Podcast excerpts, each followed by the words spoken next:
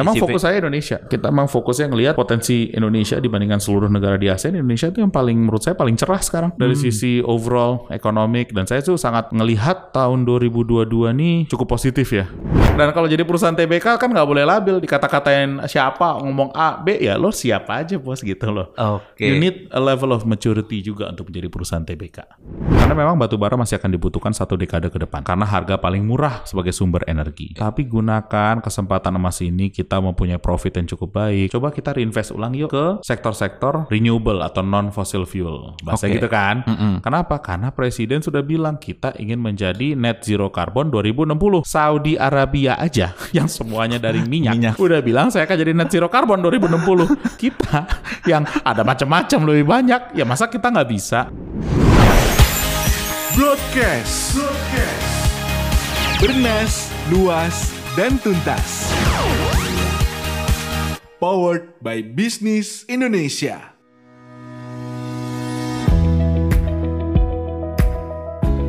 Halo sobat bisnis, kita balik lagi nih ngobrol dengan Pandu Syahrir. Kalau di episode sebelumnya, Komisaris Bursa Efek Indonesia ini cerita tentang prosesnya dalam berinvestasi.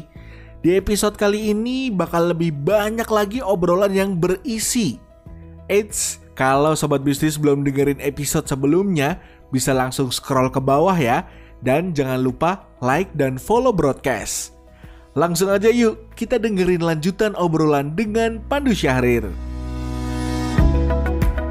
Nah, itu kan kemarin habis balik dari Abu Dhabi, Pak. Hmm. Terus tiba-tiba masuk investor ke Gojek. Ya alhamdulillah. Bakal ada lagi nggak? Saya rasa IPO. Ya saya rasa harus tanya ke Gojek lah. Kalau itu. Nggak ada Nanyanya bocoran-bocoran nih. Bingung aku. Ini kan acara ini kita berdiskusi yang lain-lain itu mah pertanyaannya udah sangat wartawan kamu nih. Nah, Pak, ngomong-ngomong soal bursa nih. Hmm. Bursa targetnya tahun depan ada pertumbuhan jumlah investor sampai 30% Hmm. di akhir 2021. Nah, Bapak ngeliatnya gimana nih? Tahun ini 2022 apa 2021? 2022, 2022, Ya. 30 Bagus dong. Ini kan penetrasinya udah tinggi sebenarnya kan? Kata siapa? Berapa persen dari total penduduk? Ya, Dua baru sedikit persen. sih. Ya, Iya. harus bisa sampai 50 persen dong. Kalau saya jadi komisaris, saya mau bilangnya ke direksi, kita bisa nggak, uh, paling nggak dalam 1-2 tahun ini bisa nggak naik ke 5 persen. 5 persen, jadi kalau nanti berikutnya bisa nggak ada 5 persen, jadi 7-8 persen. Di mana paling nggak sampai 2030 bisa nggak di atas 10 persen gitu loh. Oke. Nah, kalau misalnya anak muda nih mau masuk, kan rata-rata mereka masih eh ikut-ikutan dan segala Ya, macam sama lah kayak tahun lalu. Pasti Nah, lah. kalau menurut Bapak gimana? Mau dibilang apa? Itu menurut saya tendensi manusia. Kalau masih masih belum pede kayak belajar berenang. Yang ikut dulu siapa yang dia percaya untuk coba ikutan cebur dulu.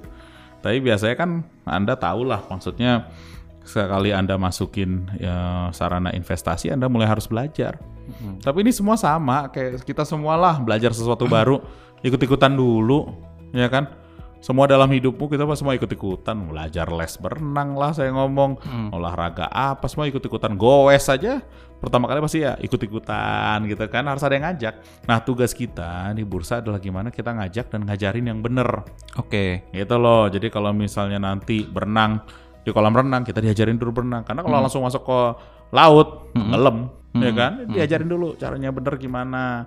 Sama juga kayak goes latihan di tempat yang kecil dulu. Jangan langsung ke apa namanya ke Jalan Sudirman. Ntar bisa ada senggol pusing ya kan? Jadi ya mirip kayak gitulah analogi. Saya sengaja bikin analogi simple-simple aja. Karena mau nggak mau anak muda itu selalu tertarik untuk belajar sesuatu yang baru. Ya. tapi karena Indonesia ini kulturnya bareng-bareng, Iya. ya harus ikut bareng-bareng. Jarang kan anda lihat orang goes atau itu sendiri gitu loh, pasti rame-rame. Sama investasi sebenarnya kan investment tuh sendiri, Iya. tapi semuanya pasti rame-rame. Eh aku tanya ini yuk, tanya ini, tanya ini, gimana ya, ajarin dong, gitu kan? Ya kita tugas kita di bursa coba ajarin yang bener lah, sesuai dengan cara-cara menghitung nilai perusahaan dan seterusnya. Ada upaya-upaya nggak sih Pak untuk eh, narik perusahaan-perusahaan teknologi gitu untuk masuk ke dalam bursa? Udah, kita setiap hari tugas saya kan jualan, kita semua jualan. Walaupun saya hanya komisaris belakang kan kebetulan perusahaan-perusahaan yang kita invest itu kita saya selalu anjurin kalau mereka sudah 6, 7, 8 tahun Iya. umurnya mulai liatin sebagai perusahaan TBK. Ada umur.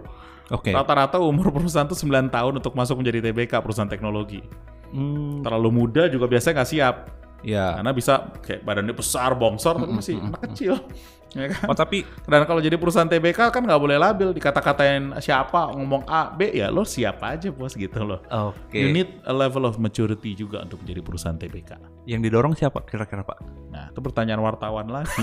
Jadi Anda lihat perusahaan-perusahaan teknologi yang dibangun 2010 sampai 2013, 14 ya harusnya itulah yang kita mulai diskusi bareng. Oh gitu. Sebut nama nggak bisa Pak? Susah, Bos.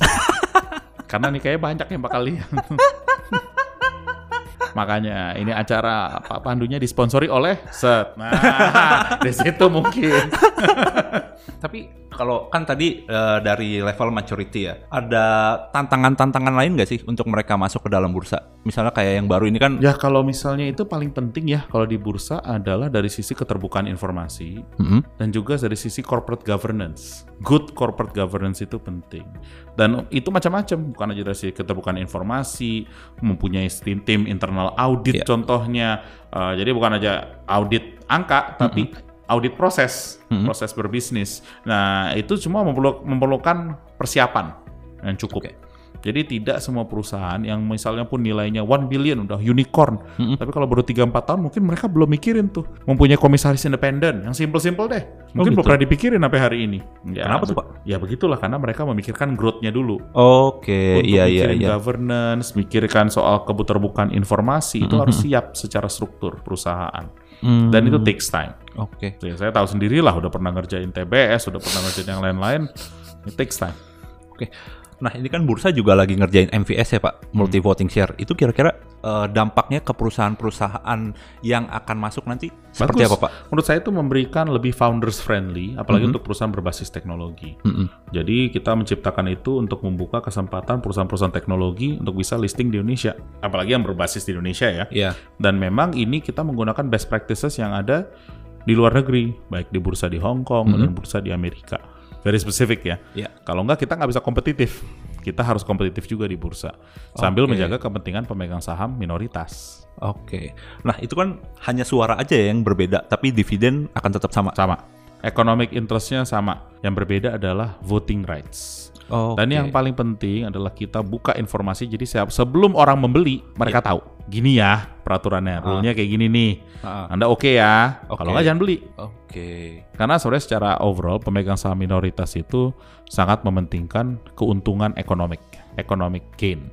Iya. Tapi ada juga beberapa yang memikirkan juga nantinya kalau apalagi yang institusi Mm-mm. memikirkan gov- governance-nya bagaimana. Kayak gitu-gitu loh. Oke. Nah, perusahaan berbasis teknologi memang sangat penting ada voting rights yang memihak kepada founders sebagai penemu perusahaan.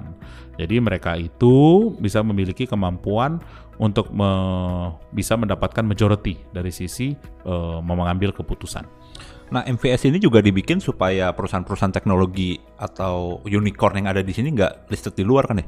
Yang penting kita, jadi gini, kalau ada pilihan kita tuh nggak boleh kalah kompetitifnya dengan listing bursa-bursa lain. Oke. Kita harus mempunyai standar internasional yang sama bagusnya atau kalau nggak lebih bagus lagi daripada eh, negara-negara luar. Ya saya spesifik kok Hong Kong, Amerika, karena perusahaan-perusahaan teknologi kita makin besar, Iya. makin banyak sekarang unicorn. Saya rasa di ASEAN 35, 38 company. Saya nggak tahu angkanya berubah mulu.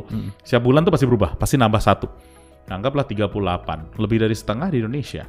Anggaplah 20, 25 perusahaan. Ya, Ya. daripada mereka listing ke Hong Kong, mendingan di kita dong. Ya, karena mereka juga gedenya di sini. Betul. Ekon bisnisnya di sini, economic value-nya di sini ya. Kita dong yang capture juga equity value-nya. MVS-nya kira-kira keluar kapan? Ya, tunggu tanggal mainnya sebentar lagi. Abis itu baru gue goto, Pak. Tunggu tanggal mainnya sebentar lagi. Oke, oke, oke. Pak, baru-baru ini juga kalau nggak salah eh nyuntik dana ke M-Trade ya. Itu bisa diceritain nggak sih, Pak? Eng ing eng. Nah, kita akan saya tuh investor aja, Pak. Itu aja. Saya rasa gini lah, overall Ellen May itu suatu sosok yang sangat menarik karena menjadi tren baru dan ini kita lihat di semua pasar modal. Selalu ada satu dua orang yang bisa, ada dua hal yang dilakukan bagus. Dan saya dari sisi bursa appreciate, makanya saya melihat ada potensi. Satu adalah dia bisa menjadi tokoh, bisa menjadi banyak panutan banyak anak-anak muda baru karena Iya. bilang kan ikutan. Ya. Nah, dia bisa menjadi seseorang yang bisa komunikasi dengan baik. Tapi nomor dua, emang dia prinsipnya dia pengen sharing informasi, sharing knowledge dia. Jadi bagaimana cara menghitung perusahaan dengan benar, bagaimana menilai. Oke. Yes, di- dia bisnis. It's okay. Asal lo niatnya benar. Bagaimana memajukan anak-anak muda kita biar bisa tambah pintar berinvestasi di pasar modal. Dah, full stop. Oke. Jadi Sama saya suka yang tuh. pertama ya. Iya, saya lebih Lu suka. harus kenal foundernya dulu. Ya, jadi saya suka ya goalnya beliau. Jadi saya bilang ya sudah saya support lah. Oke, oke, oke, oke. Simple itu. Nah, ini kan kita so- apa uh, business people juga lagi ada di uh, kantornya S Venture ya? Atau bukan, Pak? Easy Venture. Ya, Iya. kita di kantor Easy Venture sekarang. Kantor rumah atau apa ini. Mereka uh, baru habis rapat nih. Iya. Iya, di, di, di, di sebelah sana. Bisa dibocorin, Pak? Wartawan banget. Kan kemarin kita udah announce baru investment perusahaan namanya Maju, kita masukin ada itu B2B SaaS bagus.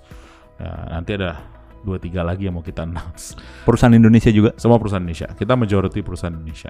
Oh, Oke, karena emang uh, Memang SCV fokus saya Indonesia. Kita memang fokusnya ngelihat potensi Indonesia dibandingkan seluruh negara di ASEAN. Indonesia itu yang paling menurut saya paling cerah sekarang dari sisi overall ekonomik dan saya tuh sangat ngelihat tahun 2022 nih cukup positif ya. Apalagi eh, ini saya bercerita juga dikit-dikit. Saya ngelihat gara-gara harga batu bara, harga CPO ini sangat tinggi, harga komoditas sangat tinggi. Iya.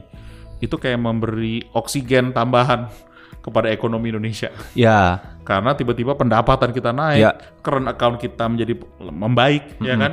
Dari sisi balance sheet apa pemerintah juga baik. Padahal nih masih zamannya covid. ya. Tapi gara-gara harga batu bara all time high, harga CPO naik, dan itu dua sumber besar pendapatan negara itu sangat ngebantu. Yang anda lihat sekarang juga di beberapa kota besar karena angka covid kita makin membaik Iya. dan memang vaksinasi ya saya salut ke pemerintah semakin membaik juga kita bisa lebih depan daripada kota-kota lain nih negara-negara lain untuk ngebuka ekonomi genjot nah karena ada boost dari komoditas kita juga ada rupiah juga menguat dikit lah ya tapi nggak banyak karena itu juga sesuatu yang harus dijaga ya dan juga nantinya pembukaan ekonomi saya cukup yakin bisa ada semacam U-shape recovery U jadi maksudnya naiknya bisa cepat Oke. jadi saya cukup optimistis sih ngeliatin 2-3 quarter ke depan dan baik juga ke bursa. Saya rasa bisa amat baik sih. Saya rasa nantinya ke ke depan.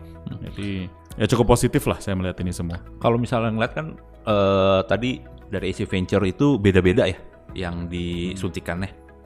Kalau dari Pak Pandu sendiri sukanya tuh perusahaan yang bergerak di sektor Saya apa suka sih? gini, bukan sektor saya suka melihat di mana perusahaan bisa memberikan eh, impact yang sangat besar kepada masyarakat. Dah gitu aja, secara garis besar. Daripada saya mikir saya sektornya, saya sektornya semua sektor sih saya bisa aja asal ya halal lah dan itu ngebantu masyarakat secara garis besar. Per hari ini memang yang paling gampang yang consumer driven. Jadi kayak tadi agrikultur, Ya. perikanan, apa habis itu logistik, habis itu fintech. Poin mereka semua sama bagaimana menggunakan teknologi untuk membuat suatu proses menjadi jauh lebih efisien dan di mana semua win-win-win. Dah, yang penjual menang, pembeli menang, platformnya menang, dan ekonomi sebagai secara keseluruhan karena teknologi menjadi lebih efisien dan bisa lebih besar. Oke. Dah, Mantep banget simpel kan? Sesimpel mungkin. Kalau mau investasi di teknologi, sesimpel itu ternyata. Ya sih harus simpel. Kalau kita yang membingungkan diri kita sendiri. Soalnya pas di Agustus itu kalau ngeliat grup itu kan ketika IPO Bukalapak ya, itu kan wah banyak itulah perdebatan lah. Dan itu saya pikir bukan Bagus. akan yang Tapi terakhir. itu sehat sih menurut saya. Itu bagian dari edukasi kita untuk sesuatu yang baru. Mm-mm. Jadi seperti e-commerce, sebenarnya udah lama di Iya. dunia. Tapi karena baru di Indonesia itu menjadi bahan perdebatan karena selama ini kita selalu diajarin price to earning, Iya. price to book. Tapi dulu waktu pertama kali mereka listing juga orang juga bingung apa bener nih perdebatannya harus pricingnya kayak gini. Tapi setelah 5-7 tahun ya orang anggap itu yang bener caranya. Takes time. Iya iya iya iya iya. Kalau di Amerika sih udah jelas pakai GMV, udah. Ya. Ya kan quote-nya langsung begitu. Satu tahun dua tahun udah diterima aja. Nah Pak, tadi kan udah disenggol sedikit nih soal batu bara. Ya. All time high. Kan Bapak juga Iya. sebagai dari Oh ketua iya, saya ketua asosiasi. ya, Asosiasi Pengusaha Batu Bara Indonesia, iya. Pandu Syahrir. Iya. Minta kutipannya dong Pak, soal batu bara nih. All time high akan Jadi- terus bertahan nggak? Karena kan krisis saya energi malah masih gini, saya ini agak beda dikit kan waktu itu tiga minggu lalu sempat dipanggil sama Bu Menteri Keuangan sama Pak Menteri SDM soal Oke. pajak karbon. Ya, kan, itu yang lagi- carbon tax cap and trade. Saya sih kami setuju sebagai industri. Malah saya bilang gunakan kesempatan emas ini untuk industri batubara karena memang batubara masih akan dibutuhkan satu dekade ke depan karena harga paling murah sebagai sumber energi. Oke. Tapi gunakan kesempatan emas ini kita mempunyai profit yang cukup baik. Coba kita reinvest ulang yuk ke sektor-sektor eh, renewable atau non fossil fuel. Bahasa Oke. gitu kan? Mm-mm. Kenapa? Karena presiden sudah bilang kita ingin menjadi net zero carbon 2060. Saudi Arabia aja yang semuanya dari minyak, Minyak. udah bilang saya akan jadi net zero carbon 2060. kita yang ada macam-macam lebih banyak, ya masa kita nggak bisa? Tugas kita sebagai warga negara dan kebetulan yang bersyukur apa ada berbisnis di sana, ya tugas kita mengalokasi capital kita untuk ke sesuatu yang net zero carbon. Itu jadi penting. Contohnya misalnya. Ya contohnya TBS lah, ya boleh ya saya ngomong TBS. Kan Nggak kita apa-apa, baru kan CFO. apa- bukan saya Oh, direktur, direktur. aja Pak, direktur. Oke, Pak. Saya namanya direktur pertama. Karena yang pertama bikin udah, tapi ya dirut-dirutnya bos-bos lain lah, saya direktur pertama.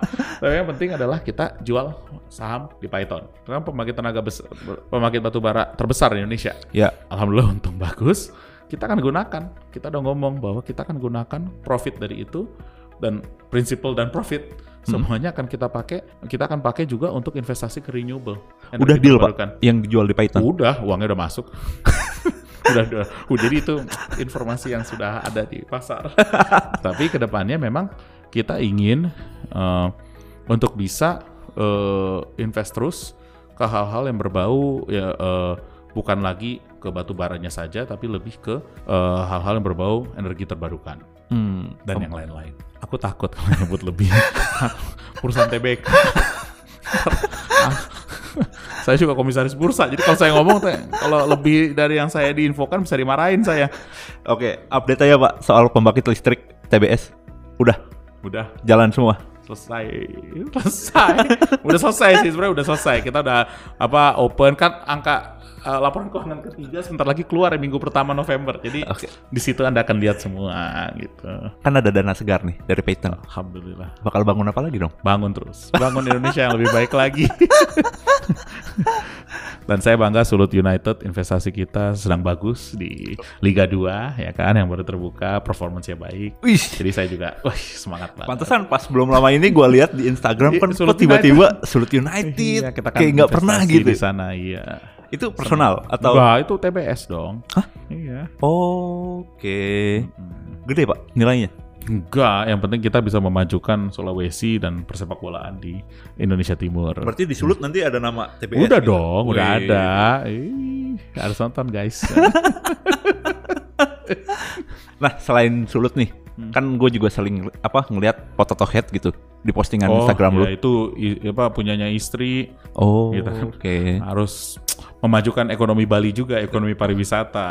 Ya, si Oke. Ratna kan yang dulu ngebangun hotelnya sama Ronald Takili dulu, Hmm. rame-rame lah mereka berlima.